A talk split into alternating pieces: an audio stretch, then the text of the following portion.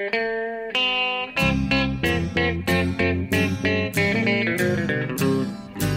out there, we're on the air. It's hockey night tonight. Tension grows, the whistle blows, and the puck goes down the ice. The goalie jumps and the players bump, and the fans all go insane. Someone roars, Bobby scores at the good old hockey game. Oh, the good old hockey game is the best game you can name. Hallå, hallå, hallå, hallå, hallå, hallå, hallå, hallå, hallå. Hallå, hallå! Välkomna till NHL-podcasten. Avsnitt nummer 364 med Jonathan Jonis Ekeliv som vi hörde där i Stockholm och mig Per Bjurman i New York. Ja. Ja, eh, hur står det till? Eh, ja då, nej men eh, jag har, eh, jag vet inte om man ska uttrycka sig så här, men jag har precis tryckt en pizza innan i spelningen så jag har lite matkoma. Jag fick lite eh, kris med att hinna förtära någonting här under kvällen så att det blev en snabb pizza innan, eh, innan jag hoppade in. Matkoma, vad innebär, vad innebär det? Ja, men det blir ju, järnverksamheten nu? den eh, slås ut till viss del och ja, man blir allmänt eh, dåsig är väl ett bra uttryck. Ja. Men ja, eh, ja, jag, har tänt, jag tar en kaffe nu också så att eh, det ska gå bra. Ja, det var ju kul för dig. Jag upptäckte precis innan vi skulle spela in att det var slut på kaffe här, så jag har ingen kaffe. Oj, oj, oj. Hur ska, Ja. hur ska det gå? Ja, vi får lov att gå ändå på något vis. Ja, ja. Eh, trå, trå, tyvärr så är det ju väldigt tråkiga saker vi måste prata om den här veckan då. Eh, eftersom, eh, ja, precis som vi var på väg ut ur pandemin kändes det som, då, då utbryter det krig i Europa istället. Ett brutalt, fruktansvärt och vedervärdigt krig och eh, det ger väldig genklang här i NHL eftersom landet som har startat krig och invaderat ett annat land är Ryssland. Ja. Eh, och det finns ju då gott om ryska spelare i NHL. Ja, precis. Bland annat en som håller till ett slagskott från Vita huset och en hyfsat stor profil, inte bara i hockeyvärlden utan i hela idrottsvärlden och framförallt som en slags ambassadör nästan för Ryssland. Och har han ju varit för Putin. Ja. Ja, ja, vi ska komma in på det här. Men till, till att börja med, så även om det inte vore eh, ryska spelare inblandade i NHL så, så har det varit en otroligt tung vecka på grund av det här, tycker jag. Det har varit svårt att fokusera på bara hockey och tänka på vad... eh, Jag har försökt använda det som liksom flykt och eskapism. Ja. Men jag har väldigt svårt att, att bara... Jag är, jag är helt bedrövad över det som har hänt. Och som händer fortfarande. Ja, ja. Nej, det tror jag i princip Ja. alla är ju. Så är det ju. Ja. Eh, och till och med jag som ju har en förmåga att, att snöa in lite väl mycket på räddningsprocent och corsi-siffror och sånt där har eh, tappat lite intresset för det här sista tiden. Ja, ja det, jag tycker det känns... eh, Alltså, hjärtat blöder och man blir otroligt förbannad. Det är så känslosvall emellanåt som man förlorar nästan förmågan att, att tänka klart. Ja. Det har ju kanske då märkts på Twitter och så, inte minst, att jag har svårt att hålla känslorna i schack. Ja. Eh, Det kanske du har sett? Ja, jag har väl sett några, några tweets eh, som, eh, där du har uttryckt starka känslor. Ja, ja jag, jag kanske borde försöka vara mer återhållsam. Men Jag, jag, jag måste säga att eh, din krönika som du skrev här i printupplagan, den kom ju även ut på nätet här i, i veckan, eh, var bra. ja, i ämnet ja, det, alltså. råder, det råder delade meningar om i, i Alltså i mejlkorgen. Ja. Mm. det, svänger, det, det svänger åt, åt bägge håll här. Man, man blir anklagad både för att inte ta i tillräckligt och för att ta i för mycket. Eh, Det är starka känslor där också, om vi uttrycker det så. Ja, så är det ju naturligtvis. Eh, den som har i hockeyvärlden kanske uttryckt eh, av liksom stora profiler som har uttryckt starkast känslor senaste tiden här. Det är ju Dominik Hasek. Världens Ja. kanske bästa målvakt genom tiderna. Precis. Dominik Hasek som, eh, ja, det är väl världens bästa målvakt. Från Tjeckien. Eh, och han eh, växte då upp bakom järnridån. Och vet mycket väl vad, vad ryskt förtryck eh, innebär. Och han, han la verkligen ut texten i, i, i en tweet om, om Ovechkin och ryska spelare. Han kräver då att alla ryska spelare eh, stängs ute från NHL. För att de inte bara representerar sig själva utan sitt land och vad det landet står för. Mm. Eh, och det, det var ju då dagen efter eh, en presskonferens med Ovechkin. Vi måste ta det här med Ovechkin. Ja, det är svårt vi att inte börja komma in på det snabbt. Ja. eh, i stjärnan i Washington har ju genom åren då varit eh, uttalad eh, Putin-supporter. Och, och hyllat honom, kampanjat för honom, startat eh, sajter till hans ära och så. Putin Team, som Ja. där liksom Ovechkin är frontfiguren. Och eh, eh, först höll han sig undan från media när, när den här invasionen bröt ut. Och, men sen några dagar senare höll han en presskonferens där han sa till intet förpliktigande saker om att eh, krig är hemskt och så. Eh, men eh, när han fick frågor om han tar avstånd från Putin så sa han nej, well, he's my president. Och han kunde inte riktigt göra det. Och det ledde då till den här Dominik Hasek-utbrottet. Han kallade honom chicken shit och feg och, och lögnare. Ja, det var alla möjliga. Ja. Ja. Jag tycker...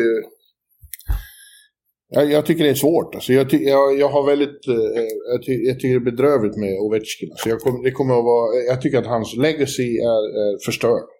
Eh, Ja. Det kommer aldrig mer att vara samma sak kring honom och hans jakt på mål och så- eh, målrekord och så här. Ingen kommer att bry sig om det. Nej, eh, nej, precis. Och eh, även om man då säger att han vill ha fred på jorden och så vidare. Och, eh, men de, facto inte aktivt tar avstånd från Putin. Så framförallt så är det ju så att han har fortfarande kvar Putin i sin profilbild på Instagram. Ja. Ja, och sen eh, naturligtvis är det ju så att, att eh, det är väldigt riskabelt att som rysk idrottare uttrycka negativa åsikter om regimen och Putin och, och det här ryska kriget. Att ens nämna ordet krig. Mm. Eh, för det kallas ju inte ens det i Ryssland. Och, det, och, Rys, och jag menar, Ovechkin har ju sin familj kvar i Ryssland. Eh, och vi såg ju vad som hände med Artemi Panarin så sent som förra året när han eh, stöttade oppositionsledaren Navalny Mm. och, och uttryckte negativa åsikter om Putin. Ja, han blev ju svartmålad i, i rysk press. Det kom ju uppgifter om att han var, eh, skrevs det i, i, nationellt i Ryssland att han var sexualförbrytare och att det hade hänt någon, någon händelse 2011. Det eh, fanns ju inga bevis på det, men det liksom, han blev ju svartmålad helt enkelt och, och tog ju time-out från NHL i en månads tid. Av personliga skäl hette det då. Och, Ja, för det, han, ja, han höll på att få sitt liv förstört. Ja, precis. Och det sades att han skulle inte få spela OS för Ryssland om det hade varit NHL-spelare nu här i Peking. Och eh, han var orolig för sin familjs säkerhet och så vidare. Och vi vet ju att han är motståndare till Putin, men han vågar inte heller i det här läget säga någonting negativt eller uttrycka sig överhuvudtaget. Ja, till följd av vad som hände förra året. Ja. Det är ju... Det är inte lätt, men eh, jag, jag tycker... Det, det finns de jag tycker mer synd om än ryska hockeyspelare eh, just Ja. nu. Det kan jag säga. Jag tycker, jag tycker eh, mer synd om de som blir slaktade av, av Ovechkins gamla idol i Ukraina. Ja, ja det håller jag med om. Och Så då- sent som 2014 sa han själv att eh, Ukrainians are fascists, go to war. Ja, jo, precis. Och, och, Så han har ju eh, uttryckt sig i den här frågan förut och det är Ja. som, som antyder vad hans åsikt är. Så att eh, vi kan ju börja där. Hans, som sagt, hans eh, arv eh, är kört. Åtminstone utanför Washington. Det finns ju, fansen där är ju, de försvarar ju honom. Och, Och de tycker att hans presskonferens var tillräcklig, att han sa ju att Ja. han faktiskt inte vill ha krig och så vidare. men vad skulle hända, alltså eh, vad gäller det här med om de skulle få spela i ligan eller inte, han och övriga ryssar, det, det, NHL kommer aldrig att ta det beslutet själva. Det kan vi tror jag vi kan vara ganska säkra på. Nej, De har gjort några små saker här när de har avbrutit eh, samarbete med sponsorer i Ryssland och lagt ner sin ryska sajt och, meddelat att det inte blir några matcher i Ryssland så. Nej. Eh, men längre så kommer de inte att gå. Vad, vad som skulle kunna hända då är ju ukrainska ambassadören i Kanada kräver av, eller begär, har, har vädjat till eh, myndigheterna i Kanada och USA att stänga av alla ryssar. Eh, återkalla deras visum. just det. Precis. Av den anledningen att de ändå, ja, även om de inte har en rysk landslagströja på sig och inte är några politiker som åker runt på isen så ändå, tycker han då representerar de Ryssland och det krig som förs mot Ukraina. Ja. Mm. Och jag tänker inte säga åt de ukrainare att de har fel i den sortens frågor. Nej. Kan jag säga. Nej, det är verkligen, det här är ju en debatt i hela idrottsvärlden, verkligen. Alltså, världen står ju liksom enad kan man väl säga i att Ryssland naturligtvis inte kan i direkt mening synas på några idrottsarenor där det- med ryska, liksom, alltså, ryska landslag eller eh, där man har ryska nationskläder på sig. Men sen om man ska då straffa enskilda idrottare i fotbollslag i Europa till exempel eller, ja, eller hockeyspelare i NHL då. Eh, om de faktiskt ska straffas för vad Putin håller på med. Oavsett vad de tycker själva egentligen. Det är ju... Det är ju Ja, eh, det handlar ju egentligen inte om att straffa de här spelarna, utan eh, det, de i mångas ögon då representerar. Och att isolera Ryssland så mycket som möjligt.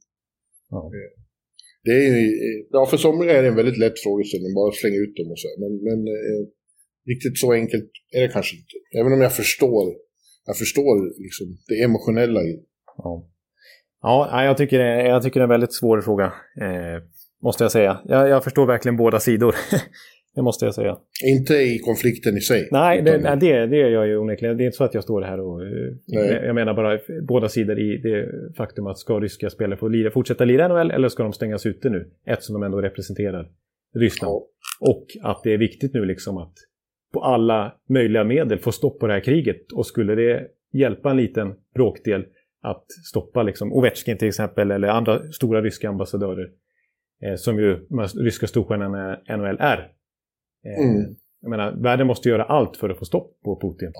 Ja, det är ju jävligt mycket större än idrott. Exakt, och jag menar som du säger, det är ju inte hela världen om de här spelarna inte får lira hockey på ett tag. De klarar sig utmärkt ändå. Men det skulle bli eh, kris i, i NHL ganska ordentligt om, om alla ryska spelare för, eh, stängdes av. Det kan man säga.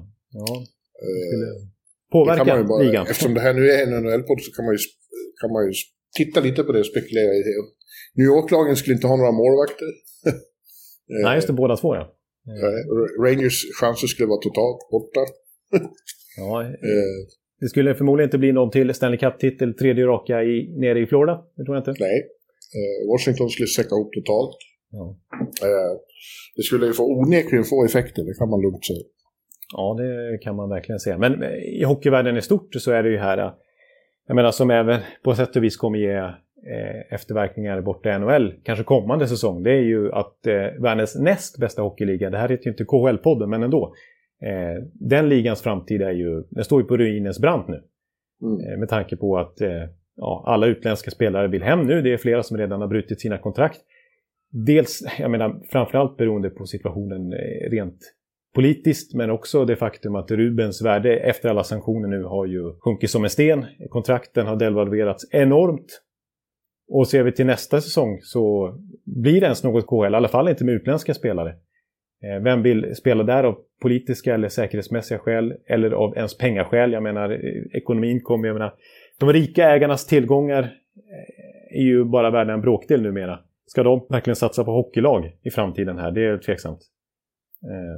Jag menar, och jag menar, det är ändå väldigt många svenska, finska, ja, framförallt ryska då, men, men eh, nordamerikanska spelare i KHL. Eh, De hamnar, vart ska de hamna någonstans nu då? Det, Ja. det kommer ju hamna i Sverige, det kommer hamna i Schweiz, det kommer hamna i AHL, det kommer ju liksom... Ja, eh, hockeyvärlden blir kanske av med sin näst bästa liga helt enkelt. Ja, det tänker inte jag sörja.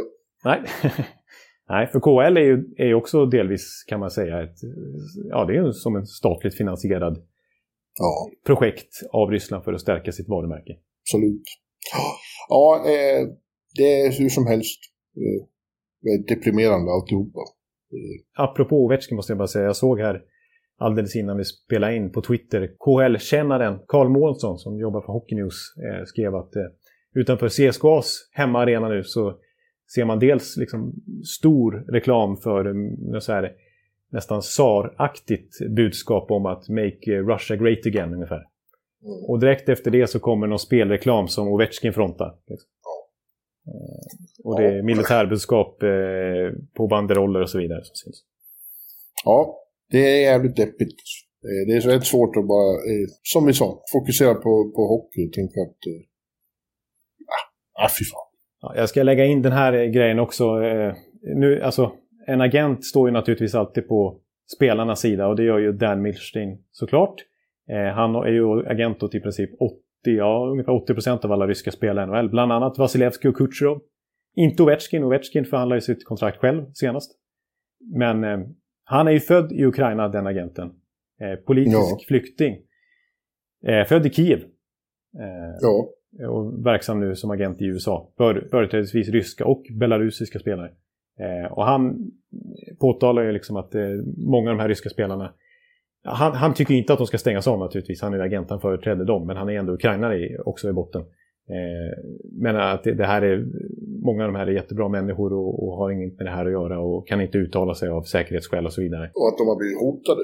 Ja, som jag var inne på att de har ju fått eh, hot och trakasserier på grund av att de är ryssar då helt enkelt. Mm. Och eh, det här har ju NHL tagit på allvar för de skrev ju också sitt pressmeddelande där. Eh, apropå att det inte lutar åt att NHL själva kommer stänga av några spelare utan tvärtom så ska de hjälpa och stötta ryska spelare mm, när det kommer till sådana hot och så här, att de ska känna sig säkra i USA och Kanada. Mm. Det kan ju också nämnas att vi har sett eh, ja, mycket mindre än i Europa. Är det. Eh, engagemanget här rent allmänt för att säga är lite lägre. Eh, jag tycker en besvikelse. För att medan man har sett svenska arenor till exempel och, och europeiska fotbollsarenor har varit kraftiga ställningstaganden mot Putin och för eh, Ukraina mm. så har det varit ganska, eh, här i New York till exempel, man märker ingenting av det där under matcherna. Nej, jag såg eh, i, i en bloggpost senast att du var besviken att inte en enda ukrainsk flagga syntes till i Madison Square Garden. Nej. Ja, nej, det är klart. Det, för, det, är, det är väl avståndet att de inte riktigt har, det har inte riktigt sjunkit in här hur allvarligt det här är. Nej, det, tyvärr är det så att eh, ett gäng amerikaner inte ens kan peka ut Ukraina på en karta. Nej, det kan de inte med. Men vi har sett manifestationer i Kanada. I Kanada finns det väldigt stora uh, ukrainska uh, minoriteter eller samfund. Mm. Eh, Winnipeg framförallt, en väldigt stor ukrainsk stad. Och innan de mötte Montreal häromkvällen så var ju en ukrainsk manskör där och sjöng kanadensiska och ukrainska nationalsången. Det var en väldigt fin eh, manifestation tyckte jag. Ja, det var riktigt fint eh, gjort. Mm. Och likadant kommer det att vara i Ottawa. ja. Eugene Melnik har ukrainska rötter. Ja, just det. Ottawas ägare. Ja, jag såg att han meddelade, pressmeddelande. Ja. ja, igår meddelade han då att eh, resten av säsongen så kommer ukrainska nationalsången att framföras i, i Canadian Tire Center, vad det heter. Ja, ja, det, är, ja. det är ju i alla fall positivt. Att ja. Det är verkligen en markering. Och jag tror att det är likadant i Edmonton. Eh, också stor ukrainskt fäste, och, eller enklav. Och där, eh, dit ska Washington nästa vecka vill jag bara påpeka. Ja. Och apropå Albert, ja du ser bara att han ska dit faktiskt. Apropå, han lär ju möta Calgary också på samma roadtrip. Där har vi faktiskt den enda ryska spelaren som hittills öppet har uttryckt eh, tydligt vad han, vad han tycker, tycker jag ändå på Twitter. Nikita Sadorov, backen i Calgary. Mm. Som har eh, på sociala medier skrivit No War och, och så vidare. Ja, Tyvärr kanske det innebär för hans del att det inte blir något mer spel i ryska landslaget, men det är en bisak i sammanhanget måste jag säga. Sannerligen. Mm. vi får väl se vad det innebär eh, i vad, vad ryska landslag är för någonting i framtiden. Vi ja. vet inte hur den här konflikten slutar om det finns ett annat slags styre i Ryssland framöver. Man kan ju hoppas. Exakt, för jag vet att du skrev i din krönika också beroende på, vi vet ju aldrig hur det här kriget slutar, men så länge Putin är kvar i alla fall så måste alla de här sanktionerna och idrottsvärldens ställningstagande befästas. Det, kan, det får inte glömmas bort det här. Nej. Det ska hålla, hållas i åratal om det så krävs. Absolut. Men vi kan väl hoppas att han snart inte är med i matchen. Det hoppas jag. Det hoppas vi. Ja, eh, men eftersom det här är en eh, NHL-podd så måste vi väl prata lite om annat som har hänt också då. Ja, det är ju så. Det har hänt en del på rinken och i styrelserum och så vidare som vi får eh, ändå hugga tag i. Mm. Ja, jag, jag, vill bara berätta en liten sak för dig. Jag, jag, det var ju match igår på Garden. Ja. Eh, och efteråt gick jag och träffade, eh, hälsade på Patrik Alvin, eh, Canucks GM. Och han hade några kompisar med sig. Eh, Fitz från New Jersey och Jeff Botterill. Oj då, det var idel NHL-potentater ja. Ja, så att, uh, jag hälsade på dem och tänkte nu, det här skulle Ekliv vilja vara med på. Oj då, det är de har så här uh, Boca Raton. Boca Raton! Nej men sa jag fel nu igen? Alltså. jag, kommer, jag, jag, kommer, jag, jag säger Boca Raton nu så får det vara min grej helt enkelt. Att jag säger fel. Boca ja, Raton. Ja, det är alltså ja, det är bara massa Jim Rutherford-adepter i alla fall. Ja, visst Fitzgerald nu i New Jersey och Botterill först i Buffalo och nu är han ju assisterande i Seattle. Och så var det en till. Eh, kommer inte upp. Jag antar att Billy Gary var väl inte med i alla fall. För att han är, nej, nej, han, Minnesota, men det är ju en gammal Alvin-kompis det också. Ja. Ja. Eh, som sagt, det kändes som en Jonis eh, stund. ja, jag skulle gärna varit med där. Det kan jag ju säga. Men apropå eh, general managers då, så har ju Chicago till slut bestämt sig för en. Ja, precis. Eh, efter idel jakt där. De har ju bestämt sig för att de ska bli mer transparenta efter all oerhört rimlig kritik mot dem här eh, senaste tiden. Eh, och så transparent att de har skrivit exakt vilka de har intervjuat under tiden. Det har varit Peter Chiarelli och det har varit en, en, en, en snubbe från baseballsporten faktiskt. Som har varit och intervjuat där också, var nära att få jobbet. Men det slutade med, kanske lite emot får man säga, vad man trodde att Chicago skulle syssla med i framtiden. Att de befordrar en intern snubbe som varit där under lång tid. Han är visserligen bara 33 år, lika gammal som Patrick Kane. Men det är mm. alltså Kyle Davidson som blev interim general manager efter Stan Bowman. En Stan Bowman-lärling som nu ja, får det här jobbet permanent. Han är utsedd till general manager på riktigt nu. Ja. Man kan ju bara fråga sig varför de intervjuar så många bara för att bestämma sig för vem som är interim. Ja, ja. Nej, exakt. Det, det tycker jag är konstigt. Och, och min eh, gubbe, om man kan säga så, jag är glad visserligen att han är kvar i Tampa, Matthew Darch. Det känns som att han har varit och intervjuats nu i varenda jobb, GM-jobb som har varit tillgängligt i NHL senaste tiden. Och varit en av liksom, slutkandidaterna. Han var ju även det till Alvin i Vancouver. Eh, I Anaheim där och uppe i Montreal inte minst i och med att han är fransk-kanadensare. blev bortvald. Istället Kyle Davidson som sagt. Som direkt då på sin första presskonferens proklamerade att eh, nej, det är rebuild här i Chicago. Mm. Vi, vi måste... Och det sa de ju så sent som 2020 med Stan Bowman. Men sen kom ju den här plötsliga satsningen i somras då när de tog in Mark Andlefrey När de stortradade för Seth Jones och så vidare. Eh, men det har ju inte alls fallit väl ut. Eh, och nu säger Davidson helt enkelt nej, det är rebuild. Vi måste börja bygga nytt här. Ja, men han har samtidigt meddelat att eh, Kane och Taves är viktiga byggstenar fortfarande i laget. Ja, precis. Det är spännande att se hur, hur det blir med dem. För de har ju alltså bara ett år kvar på kontraktet efter den här säsongen. Eh, och när Stan Bowman gick ut 2020 då, det har gått en tid sedan dess får man säga då. Eh, och sa att det blir en rebuild här nu. Då blev ju de väldigt, väldigt sura. Reagerade starkt. Framförallt tyckte de att, att det inte hade förankrats i spelartruppen, att de fick läsa det här i pressmeddelande också, att de tycker att de kan ändå ha en dialog med spelarna och berätta vilken riktning de ska ta innan alla andra vet. Mm. Eh, men framförallt så köpte de inte riktigt. Och det, det, tycker jag, håller jag inte med spelarna visserligen. Då, men, men, man vill ju aldrig spela ett förlorande lag heller, så man kan förstå att de inte ville vara med i en rebuild. Så vi får se, när, när han ändå säger så, det är så pass tydligt här, eh, Kyle Davidson, att det är rebuild. Med tanke på hur Kane och Tays har reagerat tidigare så får vi se om de är med på den här gången. Att de accepterar att ja, våra och Chicagos storhetstid är slut och ja, vi får väl med på den här resan. Att bygga ett nytt Chicago. De själva kanske inte är så, får skörda frukterna av det, men de, ja, om de har så pass lojalitet mot organisationen. Ja, ja vi får se. Eh, just att han uttrycker att de, de, de ska ha inflytande tror jag betyder en del för dem. Ja, det var väl det framförallt Kane ville höra som har sagt det tidigare, att han, han hoppas det blir en general manager som lyssnar på spelarna. Mm. Och så sa han samtidigt här, såg jag en intervju nyligen, att it would be a privilege to end my career here in Chicago. Liksom. Ja. Um, så att, ja. Lät han så? Nej, kanske inte riktigt. Min, min engelska, jag är bättre på franska än engelska, skulle jag vilja säga.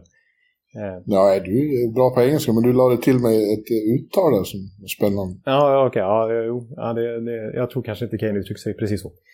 Men, ähm, ja, nej, jag vet inte. Nu ägaren äger ju sin klubb, men eh, jag tycker ju Words, där, skulle jag fått välja Chicagos, helt och hållet välja Chicagos framtid, då skulle jag vilja...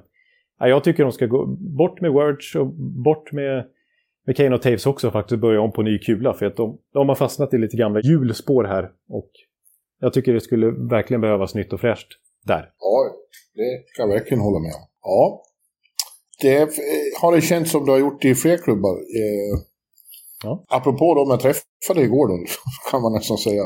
Ja. Eh, så har jag sett en hel del av Vancouver och New Jersey på slutet och tycker de är intressanta fall. Ja, ja jag eh, hintade inför podden att du ville prata om just de två klubbarna. Mm. Ja, jag har inga jättestora, jag har inga, inga svepande eh, sanningar att säga om dem, men jag tycker det är intressant att se dem. Eh, ja. Vancouver då till exempel, där har det varit en väldigt... Eh, där har de ju börjat bygga nytt med Rutherford och Alvin då. Eh, det markerar ju att det är en väldigt nystart där. Ja, ja. Eh, men mitt intryck efter att ha sett de här, jag såg dem till exempel på Garden, sopar till Rangers så det hette duga. Ja, det var oväntat. och man ser ju där då att det finns det finns definitivt kvaliteter i den där truppen. Det finns något att bygga på där. Mm. Och de har ju faktiskt tagit sig inom eh, räckhåll för slutspel nu. Alltså de är ju precis bakom. För, för eh, tidigare vintras var, betraktade vi dem som avhängda när, när Boudreau tog över. Ja, exakt. Då var inte slutspel ens på tal. Liksom. Utan det var liksom, de måste tänka framtid. Redan, redan då började jag tänka på nästa säsong i princip. Eh, men de har fem poäng upp till, eh, till strecket nu. Ja, det är ju, de är ju verkligen med i matchen. Här. Ja, häromdagen var det tre. Eh, så de, de, de har ju häng. Ja, precis. Och som du säger, piska dit Rangers på garden. Det är inte så många lag som har gjort det den här säsongen. Nej. På ett övertygande sätt. Och det var ju efter att ha slagit Calgary med 7-1 då och klippt av deras enorma segersvit. 7-1. Ja, det, det, det, kom en enorm islossning i mål där. De började producera som tusan. Och eh, ett skäl är ju att Elias har verkligen kommit igång. Ja, ja. Ett annat skäl, inte till att de gör mycket mål, men till att de vinner, är ju att Thatcher Demko har börjat spela som på sin högsta nivå. Han var helt otrolig på garden faktiskt. En av de bättre målvaktsinsatser jag sett i år. Ja. Och då har jag sett en del av från Historic. Ja, precis. Exakt. Det är ju de två som, är, nu ska jag ändå nämna lite underliggande siffror här. Det är de två som verkligen sticker ut i eh, min återkommande referens här. Eh, goal saved above average. Mm. Båda borde ha släppt in 20 fler mål än vad de har gjort den här säsongen. Det är mycket. 20 fler mål i 5 mot 5-spel. Närmast trea på listan har, är, ligger på typ 13-14 mål. Så de, är, de har fem mål upp så att säga. Och de, de delar den första platsen just nu. Så att, eh, Demko har ju varit extremt bra nu. Och inte ja. minst efter, ja han var bra även innan Boudreau tillkom. Men ja, det var ju faktiskt det första Rutherford sa när han eh, tog över som, general, eller som president of Hockey Operations. Då, att eh, den enda untouchable-spelaren, den, den, som är vår franchise-spelare, inte Quinn Hughes, inte Elias Pettersson, det är Thatcher Demko som är Mr. Vancouver Canucks. Ja, absolut. Laget som sådant, är, problemet är att de har svårt att hitta en hög jämn nivå. Och, ja. och där, det, den eh, bristen delar de med New Jersey då, som också har haft en rätt fantastisk, eller inte fantastisk, men de har haft en bra vecka. Liksom. Eh, eh, och där man ser när de kommer upp på, på, i sin fulla potential att det finns väldigt mycket att bygga på där också. De har också gjort otroligt många mål i, i, i ett antal matcher. Och sju, tre gånger förra veckan gjorde de sju mål. Ja, det är helt, det är helt sjukt. Bland annat mot Vancouver Canucks då. För att efter, ja. efter Vancouvers fina segrar då, så åkte de till New Jersey och då tänkte man att här vinner de ju. Men då blev ja. det 2-7. Ja, ja, då tappade de allt. Jag vet inte om de var trötta eller vad det var, men det var inte tillräckligt bra. Nej. Eh, och eh, det, det, är de där lagen, eh, det är det som saknas, är kontinuiteten. Och det är väl, när unga lag eh, går igenom den här processen så är det väldigt vanligt att hamna i det. Att man inte lyckas, det svåra är att det är så fruktansvärt mycket matcher och att hålla en hög nivå hela tiden. Ja. Det är väldigt svårt, det är tufft. Ja, exakt. Det är väl lite det som skiljer agnarna från vetet. Att eh, många lag kan ha en hög högsta nivå och slå topplagen på ett övertygande sätt då och då. Men liksom mm. att, att aldrig riktigt falla igenom helt och framförallt inte bygga förlustsviter. Det är ju sånt eh, eh topplagen har koll på att, att, att man inte gör. Ja. Men, eh, och New Jersey kommer inte att gå till slutspel i år, de, de är för långt efter. Men, men eh, ja, det, det, säger de inte själva än såklart. Men, men det tror jag blir extremt svårt. Men eh, jag har en känsla av att det finns väldigt mycket bra att bygga på där. Ja, så Jack Hughes, eh, ja, nu börjar han visa varför han gick etta i draften där för ett par år sedan. Eh, mm. Han är ju, han är ju ja, 39 poäng här på 34 matcher. Han är ju långt över point per game. Men framförallt har han ju, så, som, jag tycker inte vi har pratat så mycket om honom i podden den här säsongen. Några gånger har vi nämnt honom och hyllat honom. Men Jesper Bratt gör ju en fullkomlig Ja, det är ju en genombrottssäsong. Jag tycker han, han, har gjort... Han har varit bra länge i NHL och kanske lite underskattad. Men nu är han ju uppe på liksom... Nu är han ju och hotar om att leda den svenska poängligan i hela NHL faktiskt. Ja, och mål gör han. Han gjorde sitt 19 häromdagen. Så han är snart... Springer 20-vallen för första gången i karriären. Ja, precis. Sprängt 50-poängsvallen i poäng. Mm. Ja, man måste absolut lyfta på hatten för Bratten. ja, precis. Och han känns... Det är han som är den... Han är MVP i den här säsongen i, i New Jersey. Även om många säkert skulle nämna Jussi som haft lite skadeproblem och därför inte är uppe i Bratts poängantal. Eh, har ju ett bättre poängsnitt då. Men, men grejen med Bratt är att vilken kedja man än stoppar in honom i så är det den som fungerar bäst. Eh, vi kommer ju ihåg i, i höstas då när vi hyllade den här popkedjan med Andreas Jonsson och Dawson Mercer. Mm. Eh, som ju var eh, typ... Det var väl eh, början av novembers typ hetaste kedja. Gjorde ju, öste in poäng i ett antal veckor där. De spelar inte ihop längre. Men eh, när Bratt spelar med Hughes då ser man hur hans siffror boostas. Alltså till exempel Hughes. När han inte spelar med Bratt då är han under 50% i corsi, alltså skottfördel för och emot när han är inne på isen. Men när han har Bratt vid sin sida, då är han uppe på 60%. Och så är det med i princip alla New Jersey-spelare, att, att deras siffror boostas när de har Bratt vid sin sida. Inte minst Nico Hischier som han spelar med just nu, senaste tiden. Mm. Eh, Bratt är liksom... eh, Vill du få igång någon, då sätter du in Bratt med honom. Ja.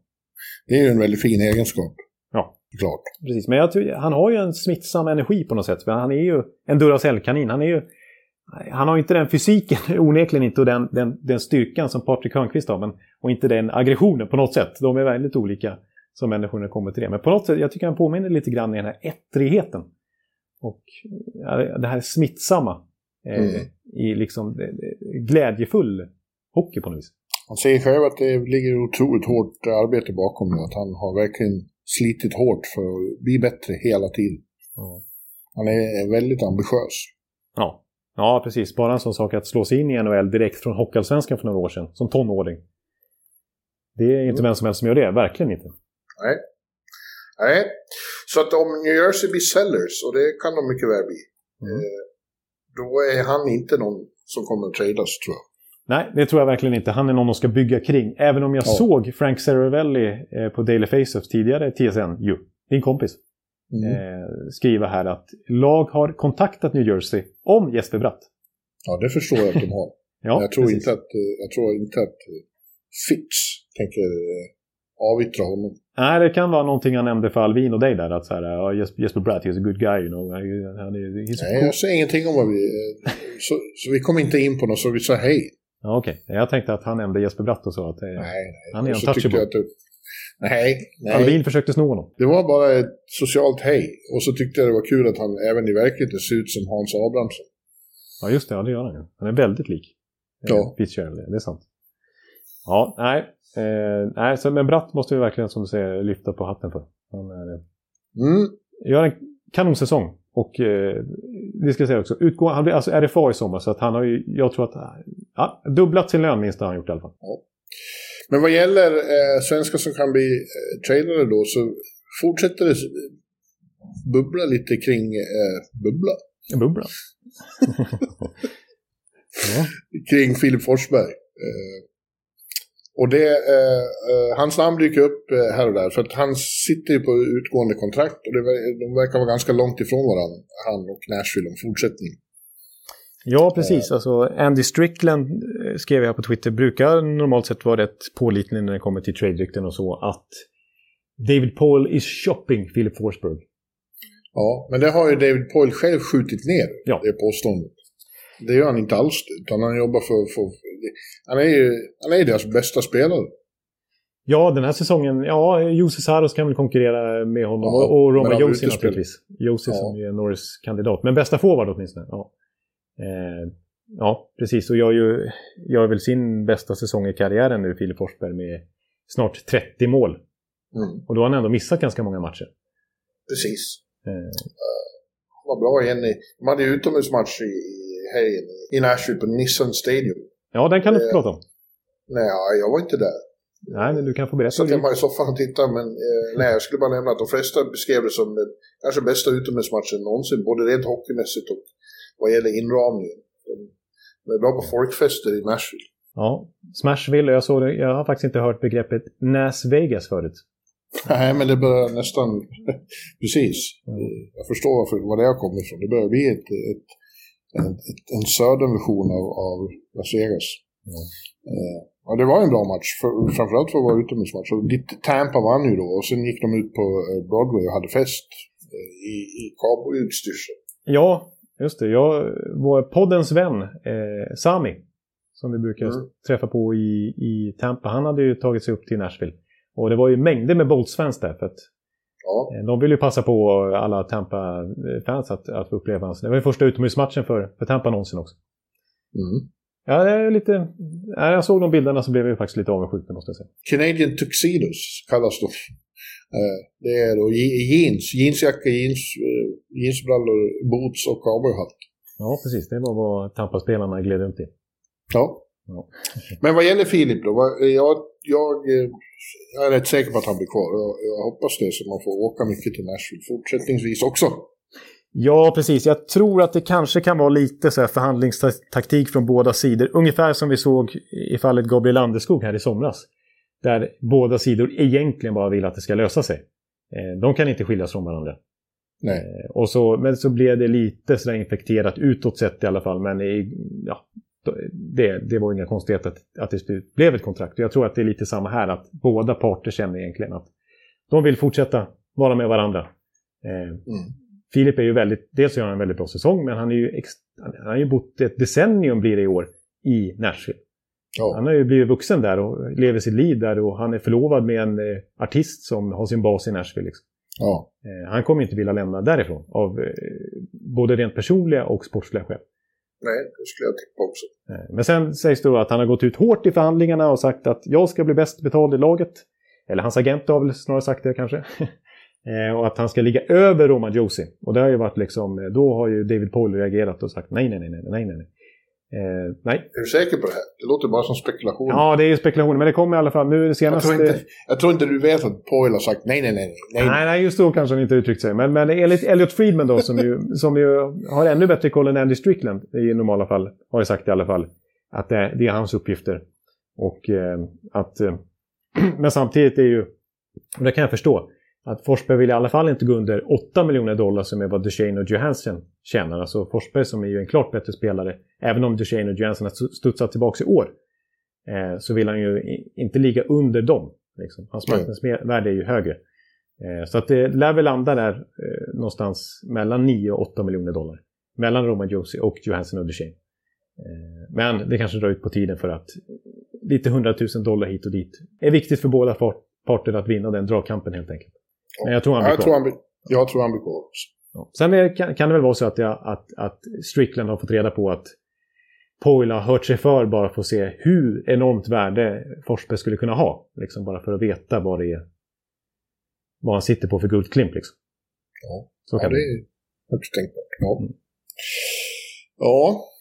Hörde du annat då? Det var, jag tyckte det var eh, eh, kul igår. Det här eh, eh, har ingenting med det här att göra, men eh, Toronto eh, åkte ju på en... en 1-5. Ja. Ja, mot, hemma mot Buffalo. De får fylla arenan för första gången på över 80 dygn. Oj. Eh, Då gör de en riktig plattmatch och får stryk med 5-1 av Buffalo. Ja. Eh, Men det intressanta var ju att Rasmus Sandin som är en härligt spontan och eh, trevlig fyr och dessbättre inte särskilt mediatränad.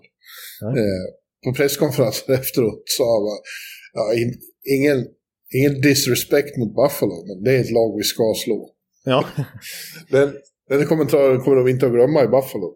nej, nej. Det, jag håller ju med Rasmus Sandin att det, det är så det ligger till. Men eh, ja, eh, det är svårt att lägga in disclaimer, ingen disrespect. För det är ju Nej, precis det- det Ja, man det visar är för väldigt, det är väldigt diss. Ja. Ja, Ja, Men apropå- du, eh, det kan vi ja, säga ja. bara, det är inget vi hade tänkt säga. Men konst, alltså när du nämnde New Jersey det vart det en massa eh, märkliga matcher. Och vi såg någon match med Winnipeg och Montreal här som svängde hit och dit och slutade 8-4. Och så såg vi då Toronto 7-10. Ja, de- det var väl den mest bisarra matchen. Ja, borta leder med mot Detroit. 7-2 inför, inför tredje perioden och, är på väg att tappa ledningen. Ja. De, de kommer så nära som till 6-7. Ja. Eh, 87-8 Ja. Detroit. Och sen vinner Toronto med 10-7. 17 mål. Ja, Och så svängigt dessutom, så det blev ändå drama i en sån match. ja bisarrt. Och Mitch Marner gjorde 4 plus 2 till exempel. Ja, det var en högst egenartad. Ja, Otroligt eh, märkliga resultat på slutet får vi se. Ja, men du, eh, vi har ju eh, gått, eh, passerat ett månadsskifte igen. Tack och lov, vi har februari bakom oss nu också. Det är mars. Ja, Om, eh, om mindre än två veckor ställer vi om till sommartid i, i USA. Just det. Då kommer den här Hela här härliga perioden när vi tjänar en timme, vi svenska NHL-fans. Ja. Kanske du kan titta på någon match? Ja, precis. Tralljöken här borta som efter att ha bytt arbetstid inför den här säsongen har helt tappat det. Jag såg ju, tittar ju varje natt här fram till den här säsongen. Men nu börjar ju Arla morgon och då kan jag se lite väst i alla fall. Men eh, mitt Tampa har jag ju oerhört svårt att följa live. Ja. Ja, men eh, när vi går in i en månad så har ju vi som haft som vana den här säsongen att dela ut eh, awards för månaden som gick.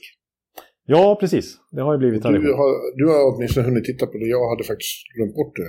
Men, men jag har väl åsikter i frågan ändå.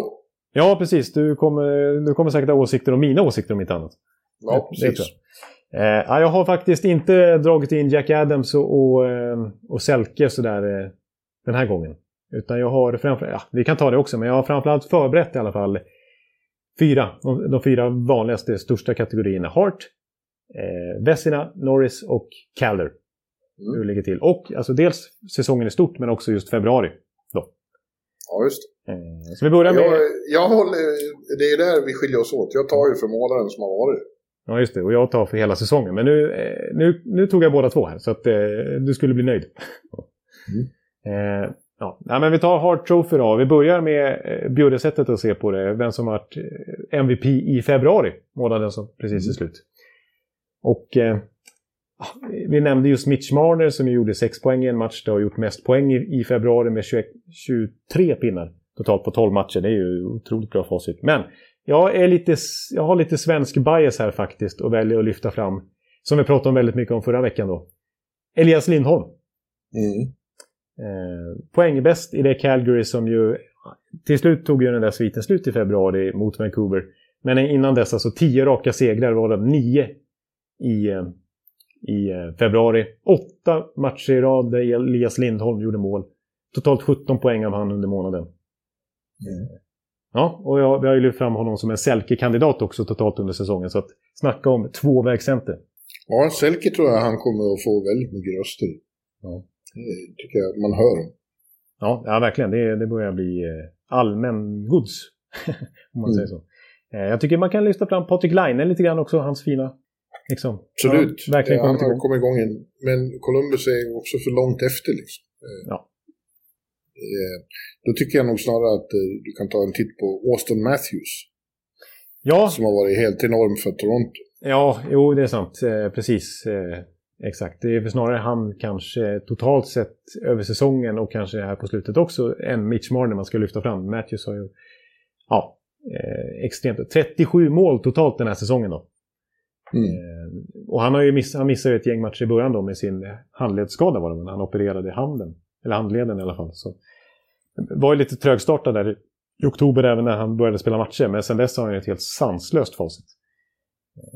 Så att, ja. han, han är ju verkligen en stark kandidat till att vara Hart-vinnare sett över hela säsongen. Men min etta totalt sett, det är en ryss. Igor Sjestjorkin. Ja, jag, jag är benägen att hålla med dig att, att han det finns ingen som, om, man, om man ser eh, Hart som den som är viktigast för sitt lag mm. så är ju han det i, i Rangers. Om han nu inte blir eh, utesluten då. På grund av sin nationalitet. Ja, då blir det, då blir det kämpigt. Eh, blir det Keith Kincaid eller något sånt där som får stå i kassen då? Ja, det blir det. Henke, de får hissa ner Henkes tröja igen. Ja, det är faktiskt så. Det är nog bästa chansen.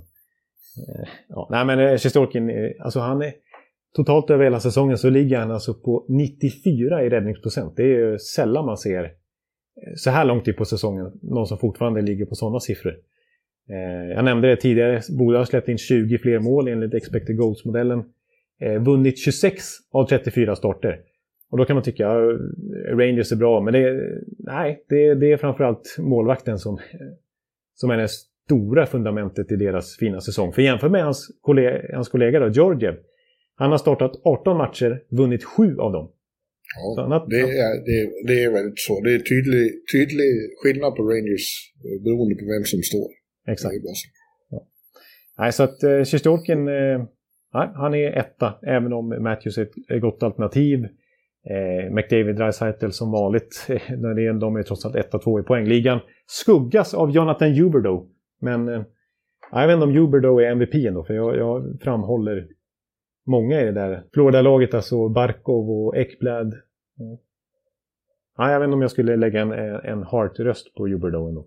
Men, han har gjort en kanonsäsong. Ja, Westerna. Mm. Westerna Trophy. Ja. Eh, då ligger han väl bra till för den också? ja, det får man säga. Det var ju, det var ju en, en naturlig övergång. Totalt sett över hela säsongen så är det inget snack om att Sjestjorkin ska vara etta. Ja, men jag vill eh, efter att ha sett den här uppvisningen på, på garden häromdagen så eh, svårt att inte lyfta fram eh, Thatcher Demko. Ja, nej, jag håller med dig där. Eh, och även i ett underliggande statistiskt perspektiv då så är det de två som sticker ut allra mest den här säsongen.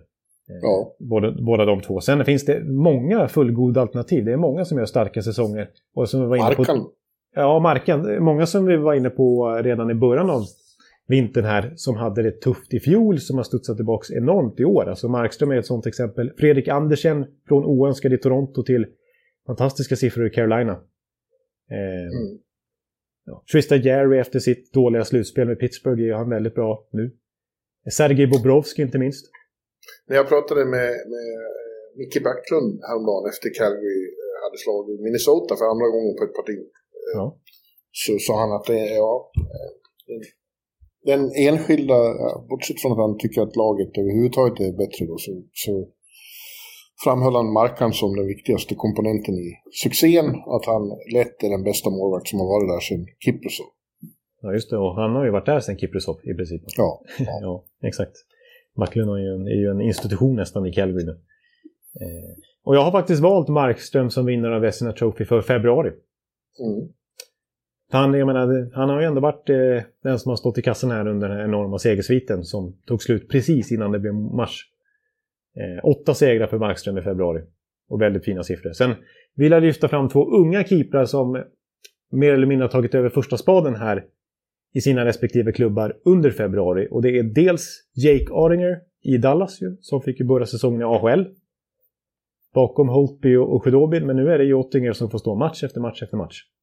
Mm. Väldigt bra i februari här inte minst. Eh, och sen så vill jag även, kanske tyvärr med svenska ögon sett, säga att Jeremy Swayman här, som också var nere i AHL när Tuka Rask eh, eh, försökte med, gjorde sitt comebackförsök. Eh, han har mer eller mindre konkurrerat ut, skulle jag vilja säga, eh, konkurrerat ut. De får stå mycket båda två, han och Ullmark. Men det är ju Swayman som har bättre siffror och ja, radat upp väldigt många fina insatser här på slutet och är mer eller mindre uttalad detta nu skulle jag säga. För Boston. Mm. att, eh, de två vill jag lyfta fram för deras februari månad också. Okej. Okay. Ja. Eh, Norris Trophy.